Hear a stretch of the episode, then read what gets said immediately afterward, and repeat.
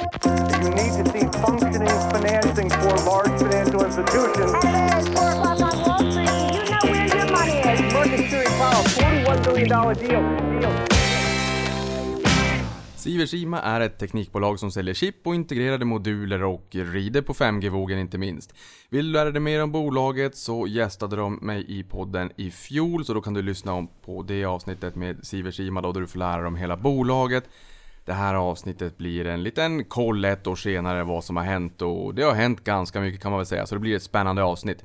Bolaget är ju listat på First North. När jag skrev agendan så var det ett market cap på 1 miljard, nu är det 1,2 miljarder. Ehm, det är 2467 ägare och jag har med mig VD Anders Storm i år igen. Varmt välkommen tillbaka Anders. Tack så mycket, kul att vara här. Kul att ha dig här. Du gästade ju podden för nästan ett år sedan och sedan dess har aktien stigit 44% och antalet aktieägare hos oss har ökat 36%. Men vad har hänt operationellt sen sist? Jag har fått förstått att det har hänt väldigt mycket. Mm. Jättekul att så många på Avanza har uppmärksammat våra aktier och det var jättekul att vara här sist. Så det är kul att vara tillbaks. Eh, ja, men det har hänt eh, väldigt mycket faktiskt. Eh, vi, vi har ju eh, gått då under, under 2019 framför allt ifrån att haft lovande prototyper och var valda och fått priser och grejer till att nu ha kunder med färdiga produkter ute i marknaden då. Och framförallt inom olicensierad 5G då. Så att Eh, vi finns just nu runt Trafalgar Square, vi finns i Örnsköldsvik eh, och det är jättekul att det börjar hända saker runt den biten. Så att, eh, Eh, sen har vi ju så förstås utvecklat firman, vi har bytt lokaler i år, flyttat. Det har varit en väldigt stor del. Eh, otroligt skönt att komma in i nya fina lokaler. Eh, så att det, det är många saker som har, ligger på att ändras hela tiden i bolaget. Och jag förstår också att dammen får lägga sig lite grann när man har de här nya lokalerna, man kan foka på full fart framåt. Kul med nya lokaler. Det jag tänker här också, eh, du som lyssnar på det här, har du inte lyssnat på förra avsnittet så rekommenderar, jag rekommenderar dig att göra det. Det här är lite tekniskt. Men om vi bara backar bak här, licensierade och olicensierade nät. Kan du bara kort förklara skillnaden så att vi förstår? Ja, precis. Men eh, om, vi, om vi tittar på mobiloperatörerna då, det är de som köper en licens vid en auktion av något slag. Eh, jag tror det var 2008 så köpte ju Telia och alla olika eh, frekvenser. Jag tror det var 190 MHz faktiskt som de köpte eh, tillsammans då, alla operatörerna i Sverige, för 4G. Snart kommer nu en 5G-auktion som är på gång. PTS gick precis ut med det då på sub 6 GHz. Så att det är liksom, man, man äger det, det är liksom lite av oligopolet som kommer från operatörerna och ägare här. Sen finns det då även olicensierade frekvenser som normalt används av wifi. Och eh, det är väl egentligen wifi-chip vi använder också den typen av teknologi då när vi kör olicensierad 5G som vi kallar det för. Jag tycker vi gör så här, vi ska inte hålla våra lyssnare på halster för det har gått ut ett pressmeddelande nu på morgonen. Det visar ju självfallet inte i natt när jag skrev den här agendan. Men nu, börsen är öppen när vi spelar in det här. Det har skickats ut ett pressmeddelande, du är glad. Eh, Och du har fått lite frågor också från investerarna kring det här. Berätta, vad är det ni har skickat ut för någonting idag? Vad är det som har hänt? Ja, men idag har vi berättat om ett väldigt spännande chip som vi egentligen skulle lanserat då inför Mobile World Congress som tyvärr är inställt då, då. Vi kan prata mer om det sen, men, men eh, det handlar om ett chip som är en Beamformer IC som det kallas för. Och det här chippet har vi tagit fram tillsammans med Amplion som är vår partner. Eh, för er som har sett bilderna så står det både Sivers, IMA och Amplion på, på chippets eh, översida nu för tiden. Och eh, de är ju ett väldigt stort bolag. De har ju ungefär 40 procent av eh, världsmarknaden när det gäller basstationer på sub 6 GHz produkter. Det är de och NXP som har över 80 procent tillsammans av världsmarknaden. Så det är en väldigt viktig partner för oss. De är våran väg in till de här stora T1 som man pratar om. några. De jobbar ju idag då med Ericsson och Huawei och ZTE och Samsung och hela den stora gruppen. Så att det är otroligt viktigt för oss, det här samarbetet, och att vi nu har fått ut ett chip i prototypformat som vi då har jobbat på sedan slutet på 2018 så skrev jag en överenskommelse om det här chippet och har jobbat på sedan dess. Så att, eh, sen, sen är det ju då liksom så att eh, vi har jobbat tillsammans med deras, eh, en av deras kunder och de har satt spesen för det här, hur det ska se ut och hur det ska fungera. Så att det är ehm, helt klart liksom spesat för att vara ett spjutspetschip. Eh, och eh, jag tror att vi har lyckats bra med första prototypen. Det känns bra hur, hur det ser ut och vi har testat och eh, nu kommer kunder under, under Q2 kunna liksom få testa också själva och känna hur det fungerar. Så att mycket spännande tider måste jag säga. Jag såg en intervju eh, som du gjorde tillsammans med Redeye i en presentation här för några år sedan där du också visade ett chip från Ericsson och sen så visade ni ert chip. För sist du var här så pratade, eh, förklarade du lite grann att ni är som McLaren. Alltså att det är eh, fokus verkligen på tekniken och att det ska vara liksom, liksom topp notch helt enkelt. Då insåg man ju liksom att ert chip som var ju betydligt mycket mindre än vad det här Ericsson-chipet var. Det här chipet som ni har släppt idag så visar de en liten bild på en tändsticka och så längst ut på toppen tänkte jag aha, det här visualiserar liksom att det är on fire, men det var det ju inte för det var det här lilla chippet som var stort som spetsen på den här tändstickan. Ja, Då inser man att det är väldigt litet. Men för de som är antingen är tekniskt bevandrade eller för de som kanske inte är lika tekniskt bevandrade, Berätta lite mer om era chip och liksom den här spjuts, spjutspetstekniken och liksom mm. vart ni positionerar er i chipmarknaden. Mm. Ja, men vi har ju en lång historik. Bolaget grundades egentligen redan 1951 och, och vi har hållit på med den här högfrekvensteknologin då sen, sen dess. Och sen under de sista 5-6 åren så har vi liksom ställt om bolaget nu då när den här millimetervågstekniken eh, ska komma ut i höga volymer. Och då har vi tagit fram de här chippen baserat på liksom det här. Och vi har fått in ett liksom väldigt, väldigt duktigt team. Vi sitter med, med, eh, med grabbar, i både tjejer i Göteborg och Stockholm tillsammans som jobbar på de här chippen. Det är väldigt mycket folk faktiskt som kommer från Ericssons 5G-team som har velat börja hos oss istället. Och eh, de är otroligt duktiga på att ta fram de här sakerna. Och samarbetet då med, med eh, Amplion och andra spelare, vi har också samarbete med NXP, det gör att vi får in all information hur man ska göra de här chippen, vad de vill ha för krav och sen bygga, liksom att göra rätt tillfälle så att man verkligen kan bygga den där McLaren som behövs. Och det är en bra jämförelse för du måste liksom inte bara ha en snabb motor, du måste kunna bromsa också. Och liksom det är många eh, olika spespunkter som måste hänga ihop. Och det är precis det vi har tagit här. Liksom. Vi har en väldigt, väldigt bra EVM som det heter. Vi har bra uteffekt och lite andra saker också som gör att det liksom blir eh, lite outstanding då. och det är svårt att göra de här sakerna samtidigt. Det är väldigt lätt att ha göra ett chip med jättehög uteffekt, men sen kanske man har problem med de andra prestandan istället. Men här har vi liksom sytt ihop det i ett, ett ultimat chip som vi själva uppfattar det. Hur glad är du över att ha släppt det här chippet idag då? För jag menar, för oss som inte vet exakt hur viktigt det här är för Sivershima, hur, hur förklarar liksom känslan då? Nej, men jag är jätteglad förstås. Eh, det, det här är ju liksom en, en, ett eh, breakthrough. Vi, vi byter också teknologi. Eh, vi går från silikon germanium in till en ny teknologi som då också gör att man kan göra mindre chip.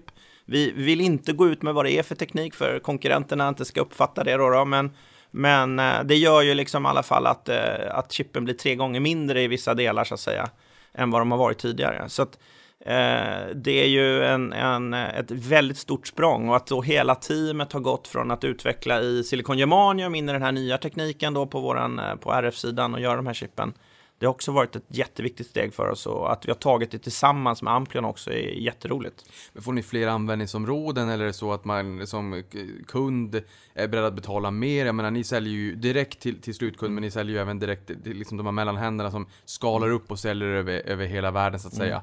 Mm. Vad, vad, får det för, för effekt det här? Som att ja, men eh, alltså de, de, andra chippen har ju varit mer inriktade, kanske man ska säga på small cells och, och, och liksom hemmaenheterna då. De har varit högre integrationsgrad. Det här chippet är liksom ett sånt chip man lägger, sätter in väldigt många chip i samma, i samma basstation eller, eller större small cell.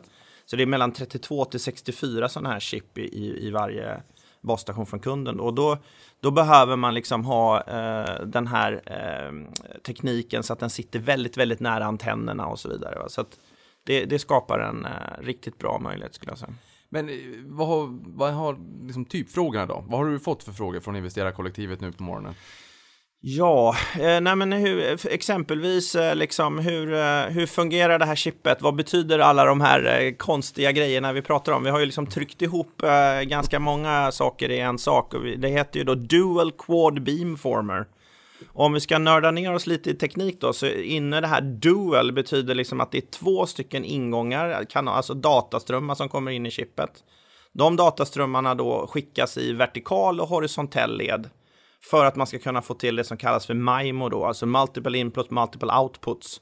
Och när man då skickar ut de här i luften, då har man då det här quad, det är alltså fyra, då finns det fyra kanaler ut, fyra vertikala och fyra horisontella polarisationer. Så att, så att när man skickar ut det här i luften så går det liksom i 90 grader mot varandra och när, man, när mottagaren tar emot det så spelar det ingen roll hur din telefon eller så är vriden för att Eh, antennen kan inte ta emot i, liksom, i, i fel polarisation för då får du ingen signal. Så därför måste du skicka ut i båda ledderna. Så det gör alltså liksom att det här blir ett väldigt komplext chip då. Sen använder man eh, kanske 32 sådana här då för att skicka ut och få liksom den riktigt stora effekten då, av, av dem tillsammans. Innan vi går in lite grann på Mobile, World Congress och det faktum att den faktiskt ställdes in också i år. Du förklarade lite grann för mig här innan vi började spela in med det licensierade och olicensierade nätet och hur, hur liksom vågorna går i luften och också att det ibland kan bli lite störande om det är lite fukt i luften och sådär. Mm. Be- Berätta den här skillnaden. Mm. Ja, men det är så här då att eh, ju, ju högre frekvens, ju mer dämpar luften eh, kan man säga. Och eh, när man tittar på de, klassiska 4G-näten och det som finns idag så har man frekvenser under 6 GHz, gärna någonstans 2. Och då går de lite längre, de har lättare att gå igenom väggar och såna här saker. När man kommer upp i frekvens då runt det här licensierade 5G runt 28 GHz så, så går det lite kortare, men det är fortfarande inte ett liksom, gigantiskt problem om man säger så. Lite svårare att ta sig igenom väggar. Sen när man kommer upp mot 60 GHz, de här olicensierade 5G-delarna, då kan det liksom, då påverkar syremolekylerna jättemycket, så då finns det en jättestor dämpning just där. Passerar man det och kommer upp mot 66 GHz, där man nu då i World Radio Conference har öppnat upp från 66 till 71 och licensfritt släppt upp i Europa och USA nu, där försvinner den här dämpningen igen då runt syret, så att det är liksom, man får bra avstånd ändå. Så att det, är, det är väldigt eh, tekniskt hur, hur långt man kan komma egentligen, och det handlar egentligen helt och hållet på radiofrekvensen. Du säger någonting väldigt intressant där, för att efter våran podd förra gången så var jag på ett seminarium med Worldwide på temat det nya teknologikriget och geopolitiken bakom 5G. Eh, och där menade man att USA har en betydande teknisk nackdel som bara kan jämföras med Kinas brister inom halvledarteknik, det vill säga semiconductors då. Och de säger att i Kina fokuserar man på ett spektrum som USA för närvarande har reserverat för militären och USA förespråkar därför andra frekvenser.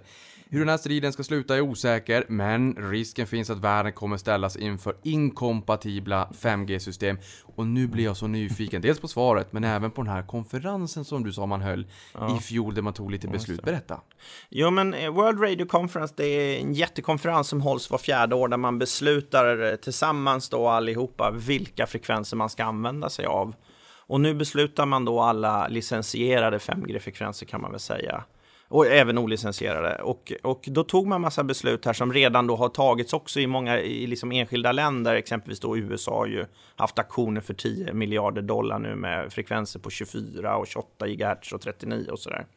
Så alla de delarna faller väl fuller på plats nu egentligen, liksom när, när hela den här diskussionen genomfördes. Så, och eh, jag skulle nog säga att eh, man kan nog tona ner det där geopolitiska runt frekvenserna egentligen, utan det är klart att det kommer vara olika olika länder och det, det stora problemet uppstår ju egentligen i, i mobiltelefonerna där, där man liksom inte kan ha obegränsat antal olika antenner för man behöver en annorlunda antenn beroende på vilken frekvens man använder och ju fler, mer man trycker in ju svårare blir det för de stackars handsets-tillverkarna då. Eller mindre batteri för alla liksom sitter på sociala medier och drar batterier Precis, precis. Ja, men så är det ju, absolut. Det, det är själv, självklart ett, ett eh, problem i längden, alltså när man har alldeles för många frekvenser. Så därför, därför kommer det bli lite inkompatibiliteter skulle jag säga. Jag menar, i USA nu så säljer ju man då telefoner eh, som har millimetervåg in, in i sig. Jag tror inte vi kommer se någon Samsung S20 nu med, med millimetervåg i Europa eh, ännu, för det tar ju lite tid då. Sverige kommer ju inte committa de frekvenserna förrän 2026 då. Så att, Så att om jag ställer frågan till dig, vem vinner 5G-racet och jag ställer USA mot Kina, USA och Kina mot varandra, då, då liksom säger du att ah, det är inte riktigt så Svaret är ställas. Sydkorea. Men de har det redan. Ja, de har ju rullat ut jättemycket. Varför faktiskt. var de först?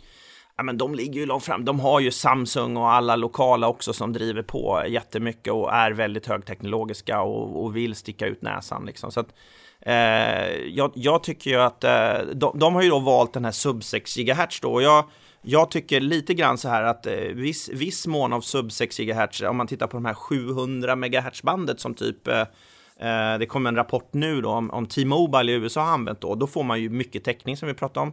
Låga frekvenser, går jättelångt.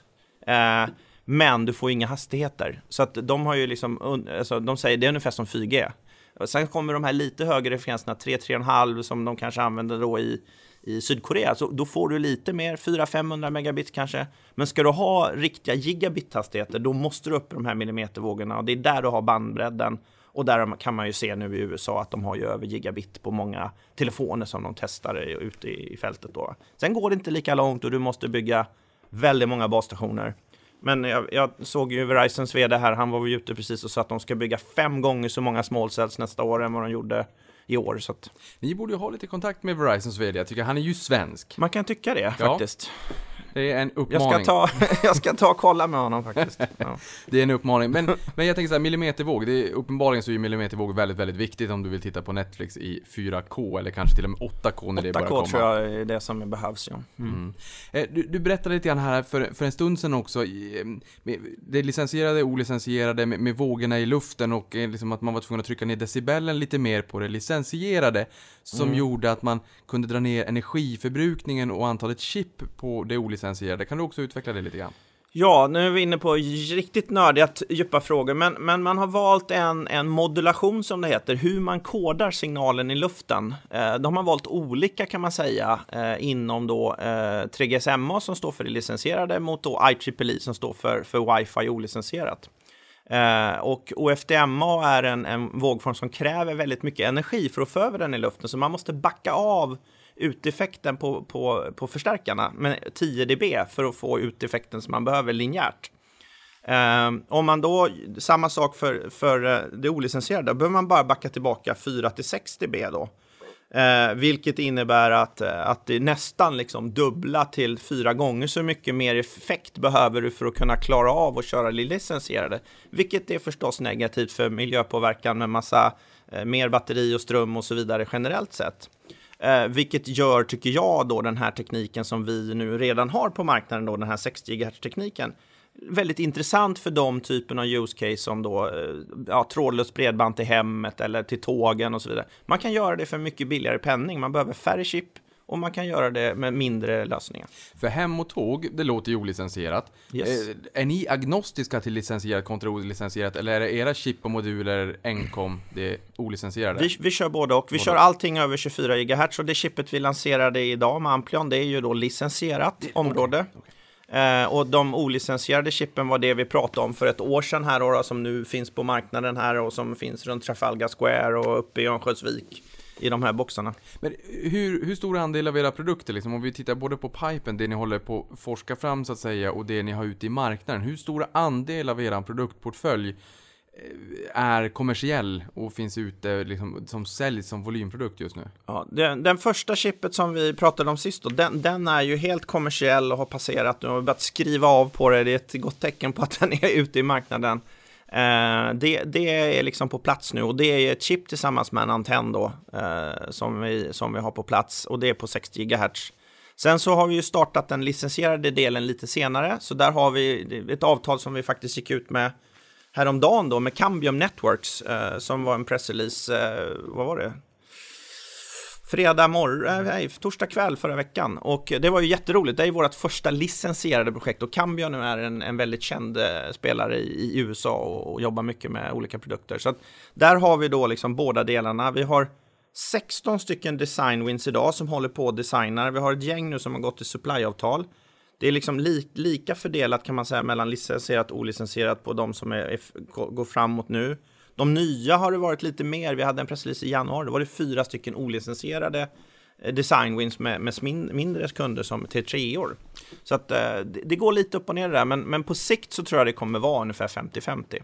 Jag förstår ju att det här med design wins är väldigt viktigt och det är något som du pratade om Mm. förra året också, så det, du som lyssnar på det här kanske redan har hört det, eller så kanske du hör om du lyssnar på det avsnittet då. Men, eh, bara för att backa bak lite grann ändå. Mm. Eh, berätta, hur viktigt är design wins? Vad betyder det? Vart kommer de ifrån? Hur, Mm. Vad är det för någonting? Ja, men det är en mycket bra fråga och det spekuleras alltid jättemycket och det, det kan tyvärr betyda olika för olika bolag också. Men för, för oss är det så här att vi, vi börjar med ett utvärderingskit som kunden köper. Det säljer vi till någon och vi gick nyligen ut med att vi hade sålt eh, 45 någonstans, eh, någonstans de senaste 11 månaderna och att 16 av dem har lett till design. då, en 20% i conversion rate då. Så att, men när en kund har köpt det där så tar det ett tag och så, så kollar de andra konkurrenter och så vidare. Sen så väljer de ett chip och när de väljer det chippet och går in och börjar designa, sätta det på ett PCB, göra ett kort och bygga sin produkt. Det är det vi kallar för en design win. Och, och det är då som vi eh, liksom kan offentliggöra att liksom, nu har de valt vårt chip. Och det innebär också liksom för våran del att det, det finns inte så att de designar två eller tre spår utan då är det, då är det liksom valt och klart att då ska de göra det här. Sen tar det liksom 9-18 månader eller längre beroende på vilken fas man är liksom innan de har en färdig produkt. Och det var ju som det vi gick ut med till exempelvis med Cambium exempelvis då. då att, att den, eh, nu har de liksom snart en färdig produkt och vi har gått från design win till supplyavtal. Så att det är liksom nästa steg i det. När vi kommer till supplyavtalen, då kan man liksom börja sälja volymer. Ja men det där är jätteintressant, det är liksom inte Oscarsgalan, det är mindre jippo, det är mera kommersiellt, det är mera liksom försäljning, mer att få in och om den här um, aktören då tar in en 3, 4, 5 olika chip från olika leverantörer och så säger de nej det är Sivers IMA som gäller, då är det en design win. Yes. Perfekt. Du Anders, eh, förra året när du var här så kom du precis hem från Mobile World Congress i Barcelona. Du var lyrisk, du sa liksom att 5G, det är nu det händer. I år blev det ingenting. Jo, men det, nej, men det har ju kommit igång. Eh, Alltså, vi har ju börjat rulla ut. Det är för, jag menar inte 5G, jag, jag menar mässan. Ja, mässan blev ingenting. Nej, det är sant. Eh, Det är helt, helt klart. Det är jättetråkigt förstås, för det är ju en väldigt spännande, rolig mässa. Och när man får göra en sån pressrelease som vi gjorde idag, som vi hade gjort då inför mässan, så är, så är det klart att det hade gett lite mer avtryck kanske om mässan hade varit. Sen är det ju så att, eh, att eh, vi har försökt att, att boka upp alla kunder och vi kommer ha telefonkonferenser och videokonferenser och sådär nu då. Men, men, men det är klart, jag har ju varit på Mobile World Congress i säkert över 20 år, så det känns ju som man eh, har eh, liksom en, ett barn som man har tappat bort. Har det någonsin hänt att man har ställt in Mobile World Con- Congress? Inte vad jag känner till faktiskt. Eh, jag var ju med redan på tiden, en, långt tillbaka i tiden så var det ju borta i Cannes liksom och sen så, så flyttade de till andra ställen i Barcelona. Så nu har de varit på ett, den stora mässan med över 120 000 personer. Så att, men jag förstår att de ställer in. Det, det är ju väldigt osäkert just nu hur det här ska gå. Så jag har full respekt för det där. Eh, men det är tråkigt förstås. Nej, för, för det jag tänker där, det är ju att det ställdes ju in då på grund av, av coronaviruset och eh, en fundering bara liksom så här, hur påverkar det här? För att alla som, alla av vikt och värde är där, man diskuterar, man tittar, man interagerar, man bokar upp möten, man pratar sinsemellan, man kanske, man, man kanske hittar nya kollegor som man rekryterar. Det, jag menar, ni vet, det är ju en viktig mässa Absolut, såklart. Men nu absolut. säger du att du, har ju bokat upp och knutit upp eh, möten ändå. Ja. Men alltså för, för hela branschen, hur stor påverkan får det att man, man eh, tyvärr då ställer in en sån här kongress? Om, vi börjar med lite med oss då, om man, säger så här, vi, vi har ju liksom då en, en utställningsbås oftast liksom och sen så har vi en jäkla massa eh, förbokade möten. Det kan vara liksom 40-50 möten eh, som är bokade innan vi åker dit och det är klart, det är de som är viktigast. Alla samlas på en punkt, man kan träffa alla i ekosystemet samtidigt, man kan visa upp allt nytt man har. Och sen har vi det vi kallar för walk-in, så att det är folk som är ute och går och går runt och tittar och kommer in och ser och så liksom. Men, men merparten av kunderna har man redan bokat upp, så man vet vilka de är. Det är, inte, det är liksom mer eh, liksom sådana som vill sälja konsulter kanske som kommer in som inte vi vill träffa i alla fall. Så att det, det är liksom inte, inte en katastrof på det sättet. Om man tittar på helheten på mässan förstås så är det ju en otrolig smältdegel för, för hela branschen att få komma och träffas och, och prata om den här tekniken och lyfta fram den. Och jag menar, media, mediatrycket därifrån är enormt i hela världen, så det är klart att det, det påverkar ju på något sätt helheten att det inte kommer hända nu. Så att, eh, ja, jag som sagt, det, det är lite synd, men, men vi hoppas att komma tillbaka nästa år med, med nya krafter och att, eh, att eh, folk inte blir sjuka nu så att vi kan fortsätta jobba på. Det låter bra. När jag sa det att det hade ju inte hänt så mycket sedan förra året, det har inte hänt någonting med 5G. Nej. Det har det ju. Ja, hur precis. mår 5G? Vad händer? Ja, men, eh, alltså, jag brukar prata om det här med Gartner Hype Cycle. Ju mer folk pratar om det, liksom, eh, det är klart att då, då har det inte riktigt hänt heller. Så. Men, men, men det är ju enligt Gartner liksom, en till två år bort till den produktiva platån när det verkligen liksom, tar fart. Och, och den här enorma tillväxten man pratar om under tio års tid, att den ska hända. Så att det, det är en, en bra start skulle jag säga. Eh, och, och man kan ju lätt tro när man ser alla pressreleaser att alla nät är byggda.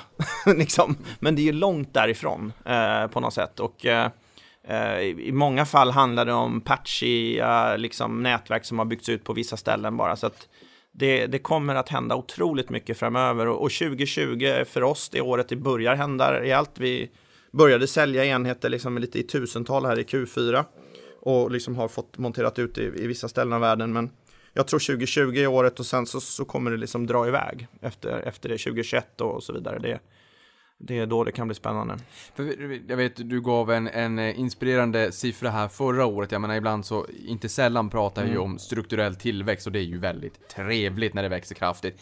Och där sa du ju att rapporterna pekar på att 5G ska växa med 85% om året mm. de kommande 10 åren. Det är ju en fantasisiffra. Vi har ja, världen helt, växer 3. Eh, ja, precis. Det är helt enormt faktiskt. Så att, eh, jag menar, det, men det är ingenting som pekar på att inte det kommer ske. Man kan läsa vilken rapport som helst egentligen att det kommer att vara en tillväxt under väldigt lång tid. Och, och än så länge skrapar man ju bara på ytan på alla use cases. Man pratar ju allting från liksom uppkopplade bilar till Industri 4.0 och liksom det är hur många saker som helst. Eller hur, hur vården ska förändras hemma, hur, hur allting sker. Alltså det, det är så många grejer som kommer in och tittar man på vad EU och de här när de pratar om liksom hur mycket pengar det kommer tillföra att man får in 5G så pratar man ju triljoners triljoner dollar liksom. Så att det är enorma belopp man pratar om. Så att Eh, jag hoppas ju att den här tillväxten eh, kommer hända förstås och vi eh, är på rätt ställe nu för att vara med på resan i alla fall.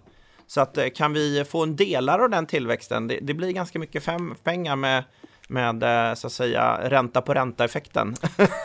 att... Helt underbart med att du nämner ränta på ränta-effekten i den här podden. Det är charmör där. Du, du har ju i Indien här för ett litet tag sedan mm. eh, och, och, eh, nyss hemkommen och där var du ju i jobbet och det var ju liksom, vad var det som hände? För så här, Netflix har ju platåat kanske lite grann i USA, men Indien, där mm. växer man som allra mest utanför USA, där plöjer man ner allra mest pengar. Jag har förstått att Indien också är världens största konsument av rörligt innehåll. Mm. För att det var någon miljardär som, som eh, telekomoperatör och slaktade priserna på, på datan. Ja, Jaio Reliance, ja precis. Det här måste ju gynna er på något sätt. Vad gjorde mm. du i Indien och vad, vad, vad, vad hände där? Ja, ja men det var, det var jättekul. Eh, det, det är något som heter IWPC som är ett event som drivs av en, eh, det är en union mellan telekom och, och, och bolag i, i, branschen som, eh, som kör ett event oftast ett par dagar och så pratar man om vad man ska göra. Det här eventet handlar handlade om något som heter då liksom Connecting the Unconnected, för det finns ju väldigt mycket sånt i Indien. Och några av de som driver det väldigt mycket är Facebook. Facebook har någonting som heter eh, TIP, eh, Telecom Infra Project, och sen sitt eget Terragraph-projekt då för att liksom koppla upp en sån här olicensierad 5G. Och eh, då var vi där nere och, och, och tittade på liksom hur, hur eh, liksom ser marknaden ut? Vad har de för behov? Hur kan man göra det här? Och då var det tre dagar med massa presentationer. Och jag höll en presentation också då om detta och där fokus egentligen låg på de har lagt ner ett jättejobb och koppla upp 625 000 byar med, med fiber in i byn så att de har liksom den här fiberpoppen, alltså point of present. Och ifrån den då så diskuterar vi hur kan man lättast liksom connecta resten av byn? Vad, vad är det som är bäst att göra? Och, och då ser ju vi förstås att det här olicensierade 5G-spektrumet skulle vara oerhört intressant att använda för det är billigt och kommer ut snabbt och, och Indien är ju ett, liksom, på ena stället så finns det ett stort universitet och på nästa gata så är det fattiga människor. Så att man kan liksom kombinera den här tekniken. Ibland kan du ha en gigabit in till universitetet och sen kan du ha en, en gratis wifi-router för de som är fattiga och bor jämte. Så att jag tror att den här tekniken skulle passa alldeles utmärkt. Och jag tyckte liksom på de stora operatörerna som vi pratade med så, så var de faktiskt väldigt intresserade.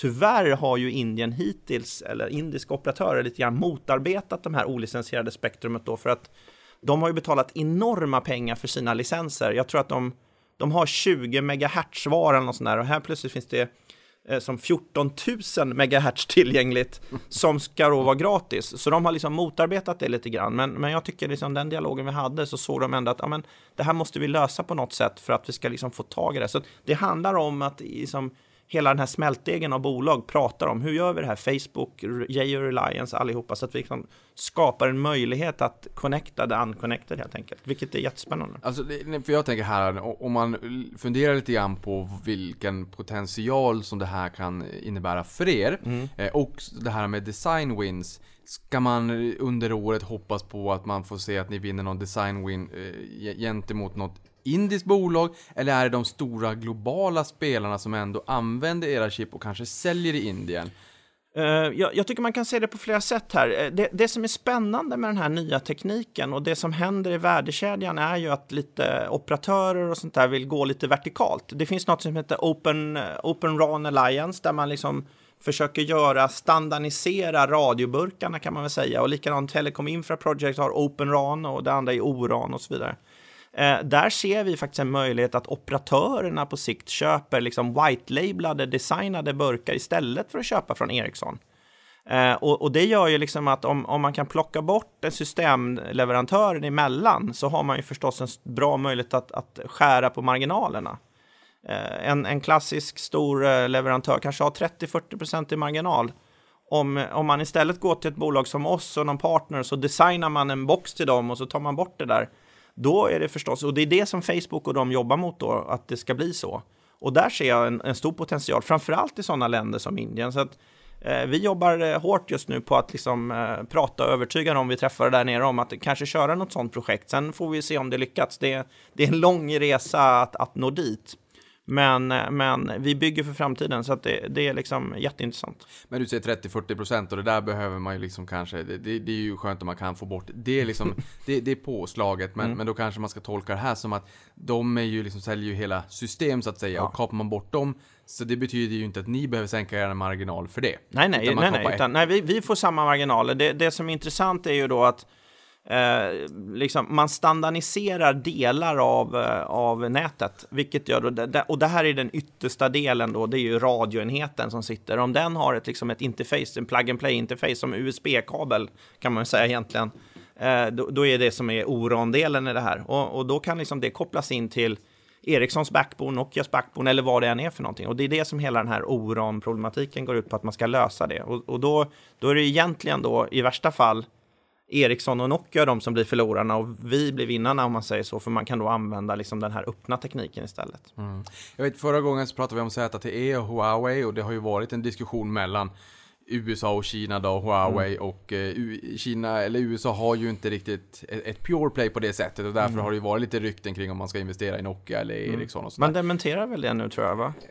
Eh, Tyckte jag såg något sånt men... Ja det där vet, det där vet du bättre än mig, men, ja. men det jag tänker är att har ni märkt av ett ökat intresse som svensk Helly Hansen mm. eh, där ute i världen så att säga? Alltså om man tittar på, på Asien så har vi definitivt gjort det eh, och, och, Kina framför allt. Och, och, det handlar ju väldigt mycket om det här med, med, att de måste ha en plan B för sina chip nu. Eh, amerikanska bolag är ju väldigt dominanta från Silicon Valley. Det finns liksom oftast inte en enda pryl som, eh, som inte innehåller chip från amerikanska bolag. Och är du då ett kinesiskt stort bolag så behöver du alternativ. Så att eh, vi har definitivt sett, eh, sett en, en ökat intresse och, och sådär. Sen får vi se om, vi kan, om det kan leda till design wins nu då. Vi, vi vann ju en affär i Kina i oktober förra året med ett lite mindre bolag. Så det var, det var liksom första break-inen där och de ska ju göra grejer då till eh, tåg och till, till uh, Fixed Wireless Access. Det där är jätteintressant, tåg kommer vi prata lite mer om. Jag får väl också dementera, det är säkert någon som kommer höra av sig kring Helly Hansen. Jag förstår att det inte är svenskt, det är väl norskt tror jag. Ni har ju en del produktion i Kina. Inte, inte så mycket faktiskt. Inte så mycket? Uh, nej, faktiskt inte, vilket är lite bra just nu. Uh, vi har haft lite gamla produkter som har gjort lite PCB i Kina, men annars har vi inte så mycket i Kina. Utan vår produktion eh, ligger i huvudsak i, i på chippen i Tyskland och i Singapore. Det är, ju, för, för, det är ju jättebra, för jag tänkte, jag fick för mig att ni hade tidigare någon, någon underleverantör i, i, Kina, men, men då påverkas inte ni mer eller mindre alls av coronaviruset och att det liksom inte produceras lika mycket där? Nej, nu. jag skulle säga så. Vi, vi har väl liksom eh, lite, lite äldre produkter som, som påverkas, men det är inga, inga volymer i det, utan eh, och, och sen kan det väl vara liksom så att det är lite svårare att skeppa dit ner nu och få ut lite, lite saker, så att eh, det kan vara några få, fåtal sådana här utvärderingskit och så som kanske inte riktigt går fram lika fort, men vi har ingen eh, Apple-effekt som de gick ut med igår kväll, att de eh, liksom ser stora problem att få ut sin produktion från Kina just nu. Nej, i, eh, precis. Apple var ju ut och vinstvarnade för, för första kvartalet här igår då. Och det är ju såklart, det är ju många bolag som har fått hålla stängt. Nu, nu är man väl tillbaka, en del bolag är tillbaka i produktion, men, mm. men det påverkar ju när världens största eh, fabrik så att säga håller, håller stängt. Eh, och där har jag väl en liten fundering det här med, med just coronaviruset. Eh, för att sars, det var ju inte så jobbigt, eh, eller ja, inte så jobbigt, allting är relativt, men mm. Eh, strax över 8000 smittade och 774 döda 2002-2003. Nu är vi betydligt många fler smittade, inte lika många mm. fler döda, men, men, men betydligt lägre dödlighet så att säga. Mm. Men coronaviruset, det har ju fått mer långtgående effekt globalt ändå och hela mm. produktionsförsörjningen, Mobile World Congress har man tryckt på paus i år. Får det här någon långtgående effekt på, på utrullningen av 5G? Alltså pausas den i tre månader eller sex månader, Alltså förskjuts den framåt? Påverkas den av coronavirusets utbrott? Inte vad vi har sett ännu skulle jag säga. Och, och det som eh, min, min, egen spaning är ju lite grann att, att eh, jag har följt det där lite noggrant nu inför Mobile Congress och det finns en bra sajt där man kan titta på. Och eh, utanför, utanför Kina så är det ju faktiskt ingen som har dött som inte är kineser. Så det är några kineser som har dött, någon som har dött i Frankrike, någon i Filippinerna och sådär. Men annars är tillfrisknar ju alla. Så min spaning är någonstans att är det faktiskt så att viruset blir svagare för varje generation som det smittar eh, och att man dör mer i Kina? Jag, jag vet mm. faktiskt inte, men men eh, vilket på något sätt då är, är liksom, om det blir en pandemi eller inte, det är då, liksom då jag tror effekten är, är värre. Sen så tror jag ju att då, som vi sa precis nyss, att det är klart, Kina är ju lite av eh, produktionsnavet i, på jordklotet. Det är klart att det, det kanske försenar saker, men samtidigt är det väl så att, att eh, det uppdämda behovet, det finns ju där. Eh, jag jag för mig vi pratade om det sist. Det, är liksom, det är viktigare med mobiluppkoppling nu för tiden än vad det är med el.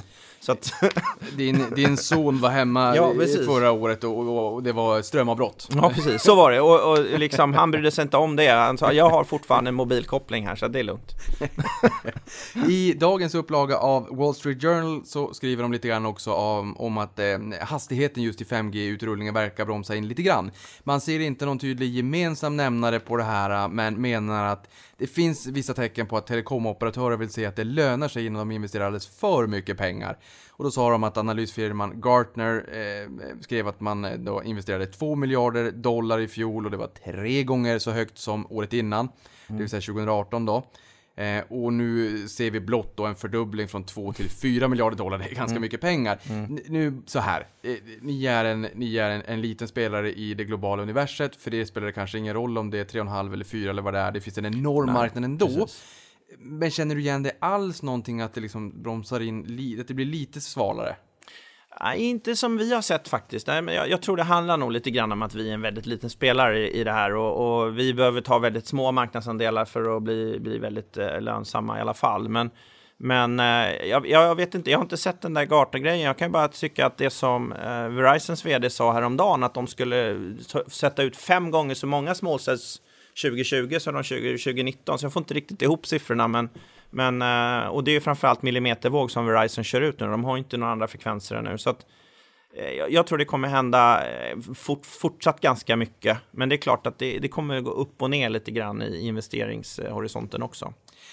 Förra året så pratade du om tågprojektet och sa att det var en, en väldigt spännande del av eran framtid. Och ni hade ju ett pilotprojekt med Blue Wireless och First Rail som skulle dras eh, längs en viss sträcka med basstationer med en kilometers mellanrum och sen så antenner på tågvagnen mm. för att få ner en gigabit i tågvagnen. Tänk att kunna åka från Stockholm till Norrbotten och ha, kunna titta på Netflix hela vägen. Mm. Eh, och sen har du skrivit en debattartikel på ny teknik också, liksom att man ska sluta peka finger åt varandra och börja mm. agera. Eh, sväva ut lite grann här. Vad, vad, vad, är det som har hänt senaste året med tågen och vad är det i debattartikeln mm. som du, du gick igång på?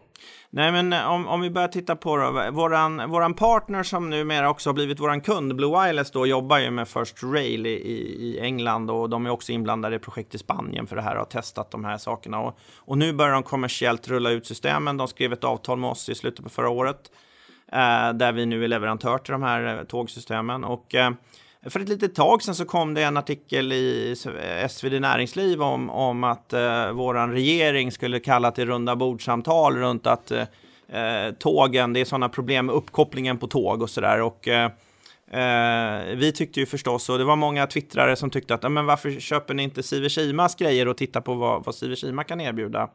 Och eh, jag har ju försökt komma med de här runda bordsamtalen, men eh, än så länge, eh, inbjudan har inte kommit. Eh, jag tror det är 5 mars de ska hålla mötet enligt eh, statssekreteraren.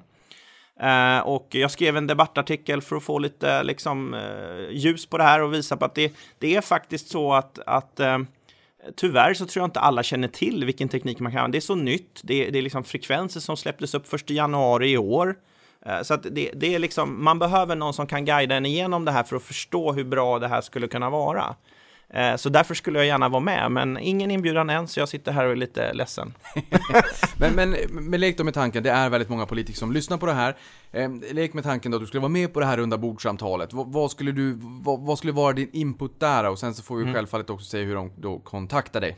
Ja, nej men precis. Alltså min input är ju egentligen att, att tekniken finns för att göra det här. Eh, vi, vi har utvecklat den, man, man börjar rulla ut den i England. Eh, den finns också nu i Spanien där man har rullat ut den och är jättenöjda med, med testresultaten. Man kan göra det väldigt billigt, det är olicensierat, vilket gör att inte man behöver lita på att Telia eller Tre eller någon av operatörerna behöver vara med, utan utan Trafikverket då, eller ban, gamla Banverket, liksom, de skulle kunna liksom bygga ut det här helt själva med, med, små, små basstationer. Det finns stolpar längs hela tågbanorna förstås normalt, så det är bara att skruva upp de här små. De är ganska billiga och du får liksom eh, en lösning som klarar upp till 250 km i timmen med tågen om vi nu får så snabba tåg och du får eh, en till två gigabit per sekund då ner till tåget. Så det är en väldigt, väldigt bra lösning och, och, det kommer att göra liksom att, att man inte behöver fundera så mycket och man kan sluta peka finger egentligen på alla som måste vara inblandade. För det är ju det som är det komplexa idag. Operatörerna måste vara med på det. De måste investera en väldig massa pengar för att bygga ut sina normala basstationer runt tågen som ändå inte klarar de här hastigheterna. Så att här är en perfekt lösning. Jag skulle försöka lägga fram hur det skulle kunna göras på ett bra sätt och förklara vad det finns för teknik, vad det finns för frekvenser och att det är liksom nu tillåtet att använda på ett bra sätt. Ja, för det är ju fullt fokus och det är ju liksom ökad efterfrågan på tågresande, inte minst med, med liksom den klimatdiskussionen som nu är och Absolut. då kan ju politikerna både kanske förmå människor att åka tåg men också att öka BNP så att det inte blir dödtid när man sitter på tåget utan täckning. Och varför inte hjälpa ett svenskt bolag med lite affärer också, inte bara de stora drakarna? Varför inte hjälpa ett svenskt bolag? Made in Sweden. Hur, hur kontaktar man dig då? Det är bara mail eller telefon? Mail eller telefon. Eller jag, har, jag har twittrat mot, uh, mot de herrarna som finns där och jag har, har mejlat och haft mig med statssekreterarna också så att de vet nog mycket väl att vi vill vara med. Men vi får se. Eh, det är bara jag, jag mitt namn och telefonnummer står under alla pressreleaser som vi har och e-mailadresser. Det är bara att kontakta. Jag kommer gladeligen att berätta vad vi kan och hur det, hur det skulle kunna fungera. Så alla som, är, eh, som lyssnar på den här podden och som twittrar och som gillar Steve Streama och som förstår tekniken och som tycker att det skulle vara bra, då är det ju bara ut på Twitter, pinga in politikerna och sen så hjälper ni Anders med det då. Ja, man jag kan lägga till, man behöver inte ens gilla Steve Streama skulle jag säga. Det är okej, det är okej att göra det ändå. Man kan bara gilla att titta på Netflix. ja, precis. Vill du åka tåg och du vill ha eh, gigabit-bredband liksom, så då, då ska du trycka på här. För det, den här tekniken är den som löser problemet skulle jag säga. Flygen då? Vem, ja. vem är det som hjälper flygen med, med, med internetuppkoppling? Ja, eh, flygen eh, kommer troligtvis använda mycket av de här nya satellitsystemen som kommer då. då. Eh, om vi tittar på på exempelvis då eh, Starlink och alla de här. Det kommer mycket teknik nu där man kommer sätta en sån här rund eh, faced array-platta på taket och så får de då liksom högre hastigheter in i flygplanen än vad de har idag. Så att eh, där kan de säkert också erbjuda upp mot 500 megabit per sekund, gigabit-hastigheter framöver. Och, och, vi är ju inte riktigt inne då idag och gör sådana där kretsar. Vi får en hel del förfrågningar faktiskt om satellitkommunikation, för kretsarna är snarlika, men de är inte exakt likadana. Så att vi får se om vi kan hjälpa till där framöver. Eh, det har ju varit en liten, vad ska man säga, volymen är inte så stor egentligen på satellit, men nu börjar det liksom skjutas upp en ohemul massa satelliter och inte minst på mottagarna, där ser man ju en större volym framöver.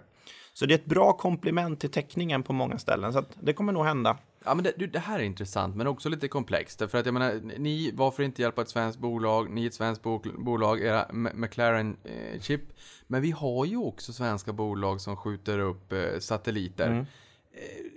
Du menar att det skulle kunna vara en affär att gifta ihop sig, att man har era chip i de satelliterna man ja, Absolut. Det som är skillnaden då med, med satellitkommunikation mot 5G, är man använder ju nästan samma frekvenser, 24 där någonstans, men man har en mottagarfrekvens på runt 17 GHz tror jag det är, och sen sändarfrekvens på 24. Så man har lite annan konstruktion på det hela och man har det som kallas för FDD, och man skickar samtidigt som man sänder, det är därför man har två frekvenser. Så det är lite, lite skillnad, men man kan tweaka våra chip förhållandevis enkelt att få dem liksom att fungera för det också. Liksom. Men det, det, kräver lite utvecklingsarbete. För, för, just det här att om det kommer nya applikationer, nya användningsområden, ni känner att det här skulle vara intressant. Det här är en, en total adresserbar marknad som mm. ändå liksom, den inte, man kan inte bara förringa den. Så de produkterna ni har idag, hur mycket utvecklingsarbete ligger det bakom att ta en produkt att ändra de här liksom, eh, frekvenserna mm. så att det fungerar i någon annan applikation, i något annat användningsområde? Ja, det, det, är ju kanske 50 procent av det jobbet som man, man har gjort för att ta fram de chippen som finns nu skulle jag säga. Ganska eh, mycket med det, det är mm. förhållandevis mycket ändå, så det, det är ju inte gratis, men, men eh, det är ju fortfarande liksom en... Eh, det som är fördelen är att det kan gå lite snabbare om man redan har teknik som är liksom proven, att man har de här blocken, att de fungerar så att man kan liksom använda sig av dem på ett bra sätt. Så att, Eh, och, och, vi tänker ju lite så här att ja, men, idag, idag är vi liksom i, i kommunikationsvertikalen i huvudsak liksom, eh, ja, på 5G-sidan. Men, men när det gäller liksom framtiden så har vi ju liksom sett att ja, men det är klart att att eh, andra vertikaler som satellit eller, eller konsumentelektronik i, i liksom inom då, den trådlösa delen skulle mycket väl kunna hända på sikt när vi liksom utvecklar bolaget och växer till oss och börjar tjäna gott om pengar så vi kan investera vidare i andra områden. Så att där finns ett väldigt, väldigt stor marknad som vi inte adresserar än idag. Men det kan ju komma på sikt. Ja, för jag tänker mig att eh, ni kanske inte den applikationen, eller det bolaget där jag hittar en, uppkop en uppkopplad brödrost, för att där kanske Nej. man inte har ett McLaren-chip. Nej, precis. Men å andra sidan så finns det ju självkörande bilar etc. Och det här kommer Mm. vi komma in på alldeles, alldeles strax. det. Men innan det så, förra året så pratade vi om Hyperscale Data Center. Så jag menar, det här exploderar. Du sa att du tar en bild med, med din telefon. Det märker jag när Mm. man får barn också. Det går, det kommer massor av bilder så får barnen 20 000 bilder när de blir 18. Mm. Och de här måste ju lagras någonstans och man kan ju inte ta bort dem sen. Mm. Då ligger de ju på ett datacenter. Eh, och det bara ökar och ökar. Och det är ju Microsoft, Google, Facebook, Alibaba. De innehåller ju flera miljoner chip berättade du förra gången precis. per datacenter. Jag såg också här i Wall Street Journal där man sa att man investerade 50 miljarder dollar de första nio månaderna i fjol bland de stora techgiganterna. Och då har vi alltså inte inne det sista och fjärde kvartalet. Ehm, och du pratar också om att man är nere på chipnivå och köper. Alltså för att eh, kapa mellanlederna och liksom de här som säljer system och moduler och sådär. Man, man kanske går exempelvis direkt till er istället för att få ner kostnaden. Har det här, liksom den fortsatta trenden från 2019 in i 2020 med datacenter, har det spilt över något mer på er? Eh, liksom, hur ser trenden med datacenter ut? Ja, men eh, eh, trenden fortsätter väldigt starkt. Vi är ju inblandade i ett antal projekt där vi, där vi jobbar vidare. Det här är ju en sån här lång process då, då för att liksom komma in och bli godkända och så vidare. Så att, jag, jag tror att vi, vi kommer lyckas där till slut, men det har tagit mycket energi och kraft att bli klar med olika saker där. Så att, Eh, det finns en, en växande marknad som vi gärna vill ta del av eh, och vi behöver fortsätta att kvalificera de här chippen med de kunderna vi jobbar med och det är lite T1 då som, som eh, är intressanta. Ur ett konsumentperspektiv, för, för att alla ska förstå, vad, vad, eh, i vilka applikationer kommer man att använda era chip allra mest? Är det liksom telekom, eh, liksom med, med mobiltelefonen när man ska ut och prata, eller är det tåget kanske i framtiden, eller är det datacentret, eller är det de självkörande bilarna? Det är svårt för dig att veta, för ni säljer till en aktör som säljer vidare, så att säga, eh, bland annat då, men, men vad tror Eh, du? ja, eh, om, om man tittar på det som är, om man tittar på det som är Photonics-delen nu, vi har ju bytt namn då från fiber till Photonics Electronics. Eh, och, och, och den delen så finns det ju liksom, där ser vi väldigt många konsumentelektronikgrejer då och det som det som har hänt egentligen under de sista fyra fem åren det är att man har kommit till det som kallas för Silicon Photonics där man börjar integrera ihop silikon och de fotoniska chippen då, i det här fallet indiumfosfid exempelvis. Och så kan man sätta dem tillsammans och på så sätt integrera tekniken. Och det, enligt Intel är det liksom en av de absolut största eh, så att säga, uppfinningarna på hela eh, 2000-talet.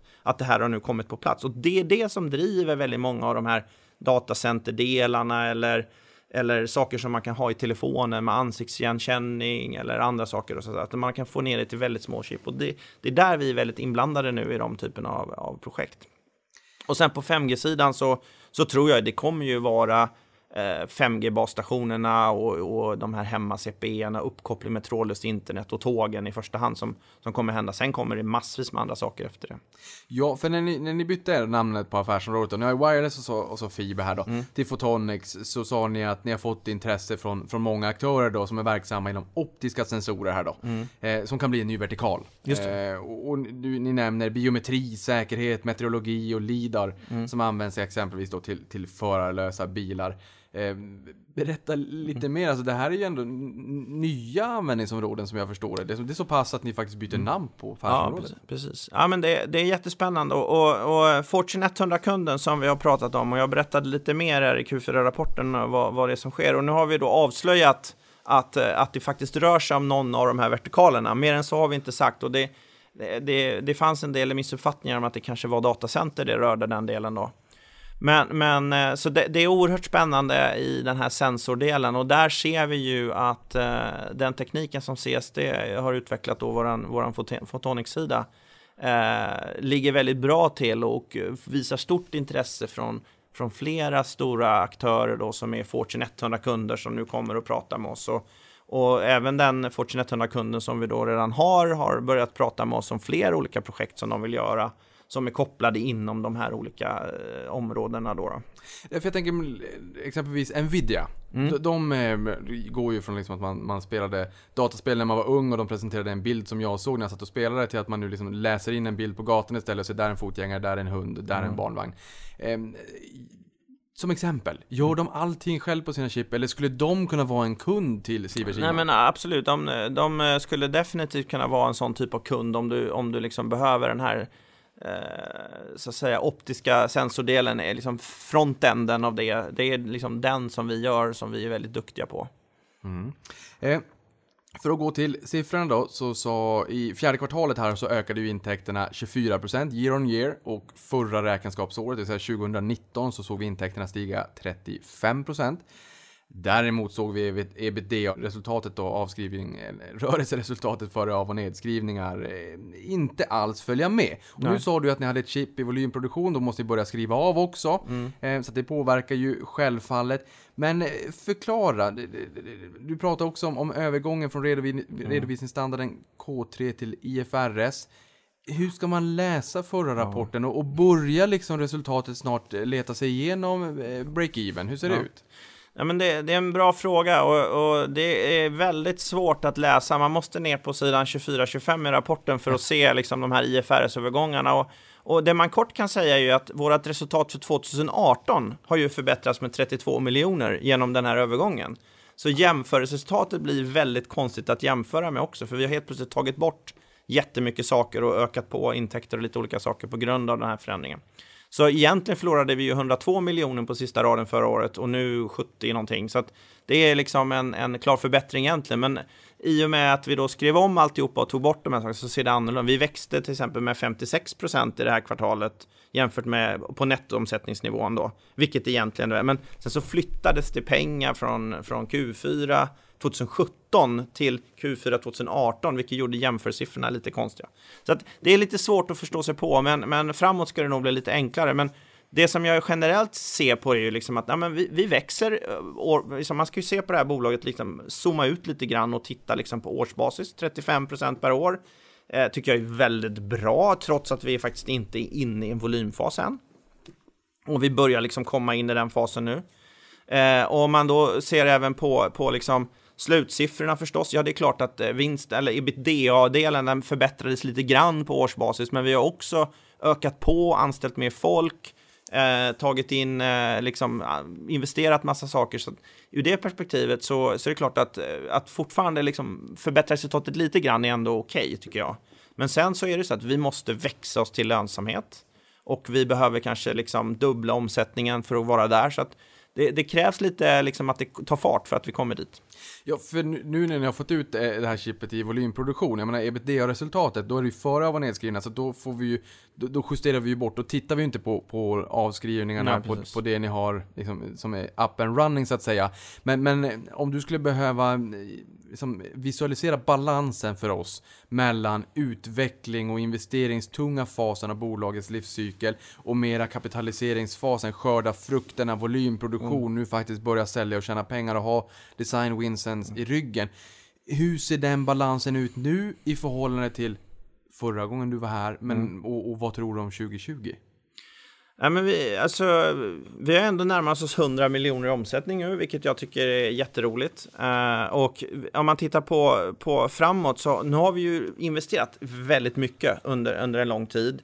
Eh, och vi går ju nu liksom från en, en fas då vi har hållit på med mycket utveckling och nu har vi liksom gått in i kommersialiseringsfasen. Eh, under hösten exempelvis så har vi tagit in eh, då på 5G-sidan två nya säljare. Vi har tagit in massa folk, pre-sales, eh, kundprojektledare, allt sånt, för att snabba på processen och få kunden att gå från en design win till supplyavtal och till volym. Och det tycker jag att vi har visat nu. Vi har liksom fått till den här grejen med Cambium tydligt. Vi har fått till Blue Wireless tydligt. Vi hade fyra nya design wins i januari. Så att det bara rulla på liksom. De, de, de frukterna får vi. Och det är ju liksom då en åtta nya huvuden som vi har tagit in. Och det, det är klart, det kostar ju lite. Men, men det ger också utveckling i, i intäkterna. Så vi hoppas ju förstås kunna växa på väldigt bra nu när vi kommer in i, i nästa fas. Och vårt mål någonstans är att ta många av de här 16 kunderna som nu är på designwin-sidan till en volymfas under året. Egentligen då från noll stycken i, i supply-fasen till, till liksom kanske 6-7 stycken.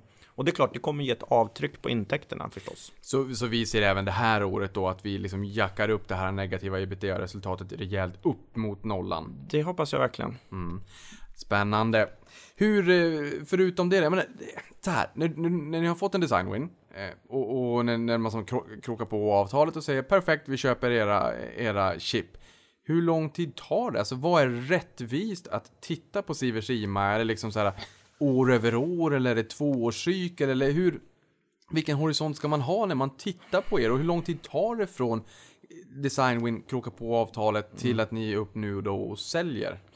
Ja, det, kan ju vara en väldigt eh, lång process i olika delar. Eh, jag skulle säga liksom, just nu är det väl ganska fair att titta på årsbasis. Eh, sk man ska inte titta på kvartal, det kan svänga väldigt mycket upp och ner liksom fortfarande. Eh, men men eh, ju mer vi kommer in i volymfasen, ju mer intressant blir det att titta på kvartal på kvartal. Att, att ha tillväxt mellan kvartalen då är kanske intressantare än vad det är just nu. Nu är det liksom mer på, på year on year man kan jämföra kvartalen, för det, det är liksom det växer i utvecklingsbasen och så vidare. Um, jo, uh, så, så när vi, uh, först får vi en design win uh, och då är det någonstans, skulle jag säga, 9 till 18 månader från att man kommer dit och, och då skriver vi ofta på ett supplyavtal strax innan när man är färdig med produkten och sen så rampar man ju. Då, då kan det vara så att kunden har ju också en liten rampning. De måste ut och liksom testa med sina kunder, så det kan ta mellan tre och nio månader kanske innan de liksom kommer igång med sina volymer och får ut alltihopa. Vilka triggers finns det i bolaget nu då, 2020? Vad, vad är ni liksom mest fram emot som ni inte har kommersialiserat ännu, som kanske är på, på gång? Vad, vad, vad ser du fram emot när du tänker på 2020? Nej, men jag ser fram emot faktiskt att, att se nu utvecklingen av de här eh, kunderna, som, att de går från design wins till supply agreement. Jag ser fram emot att försöka addera på ännu mer design wins det här nya chippet vi släppte är otroligt spännande att se nu då om framförallt Amplion kan få in det här hos T-rettorna eh, och se om den utvecklingen är så positiv som vi hoppas på. Eh, att vi själva då som kommer liksom ta det här chippet till T2 och T3, det intresset vi har redan varit ute och pratat med mycket kunder. Det finns ett stort intresse där. Sen har vi ju hela då Photonics-businessens eh, Fortune 100-kunden, hur den utvecklas det kommer bli väldigt avgörande i år. Kan vi liksom addera på mer projekt? Kan vi gå in i nästa fas? Eh, det är otroligt viktigt. Och alla de här nya vertikalerna vi ser inom Photonic som jag tycker är otroligt eh, intressant och det är de frågorna vi får av ganska stora bolag. Eh, hur det kan utvecklas här under året, det tycker jag är mycket spännande. Förutom det här eh, liksom pressmeddelandet som gick ut nu här på morgonen och de frågorna du har fått då. Klassiskt, vad är de vanligaste frågorna från investerarkollektivet eh, generellt? Oj, det var en bra fråga. Eh, Förstå, ja, analytikerna förstår väl säkert tekniken och hur allting funkar och sådär. Men jag tänker, men det kan ju ibland, eh, småsparare, tyvärr så tror jag inte att man utnyttjar IR-funktionen lika mycket som man, man skulle kunna göra. Sen vill ni inte bli överösta med mejl, varken ni eller någon annan. Men att man, man kan ju ställa frågor där. Men finns det no, någon typ fråga eller no, något klassiskt eh, missförstånd eller man inte riktigt förstår eller mm. den är, behöver Jag tror att det är svårt att förstå, men om, om man tittar på, vi, vi kör ett webbinar då som, som har varit väldigt uppskattat. Jag tror vi hade 150 personer anmälda här nu till, till eh, Q4-rapporten och där, där har vi ju frågor kanske en hel halvtimme. Så att man, man tittar på de frågorna, men det, det är ju mycket det vi har pratat om nu. Vilka kunder är det? När kommer det? Hur dags börjar det? Eh, vilken, hur bra är er teknik jämfört med de andra? Eh, och, och sådana här saker som, som kommer upp hela tiden. Är det, någon, är det en, en jättestor prisskillnad mellan era McLaren-chip och eh, era närmaste konkurrenter? Eh, nej, inte jättestor skulle jag säga. Eh, det, det, tycker jag inte, utan det, man säger så här att det, det är lite jämför äpplen och päron för att om, om man tar exempelvis då på, på 60 GHz-delen då där vi jäm, kan jämföras med Qualcomm exempelvis. De är ju ganska stora. Eh, när de ska ha samma effekt som oss så måste de använda många fler chip. Så vårat chip kan göra samma sak som flera av deras chip tillsammans. Så det innebär egentligen att prisskillnaden kanske inte blir så stor, men eh, produkten blir mindre komplex eh, genom att du kan liksom använda ett chip och som är gjort för den här tekniken. En liten kuriosa där som jag lärde mig också då i Wall Street Journal på, med hänvisning till Tesla, för det omsattes jättemycket aktier, så mycket aktier som vi inte har sett det omsättas i en enskild aktie sedan 99. Men då påminner de om Qualcomm, 99 det var väldigt blankat och Ah, blankat okej. tyckte jag, det, jag vet inte vad det var, om det var värderingen eller vad det kan tänkas vara. Mm. Men det vart en sån där short squeeze och aktien steg 2600% i året. Wow! ja, det kan bli lite jobbigt. Ja. Anders, sista frågan. När flyttar ni in till huvudlistan då? För det vet jag har varit på tapeten. Ja, ja, men vi håller på att jobba på det där och vi har ju gjort, liksom, som du själv nämnde, IFRS, eh, det är ju, var ju den viktiga biten. Det måste man ju ha för att komma dit. Vi jobbar vidare med koden och alla de här andra sakerna för att ta sig dit.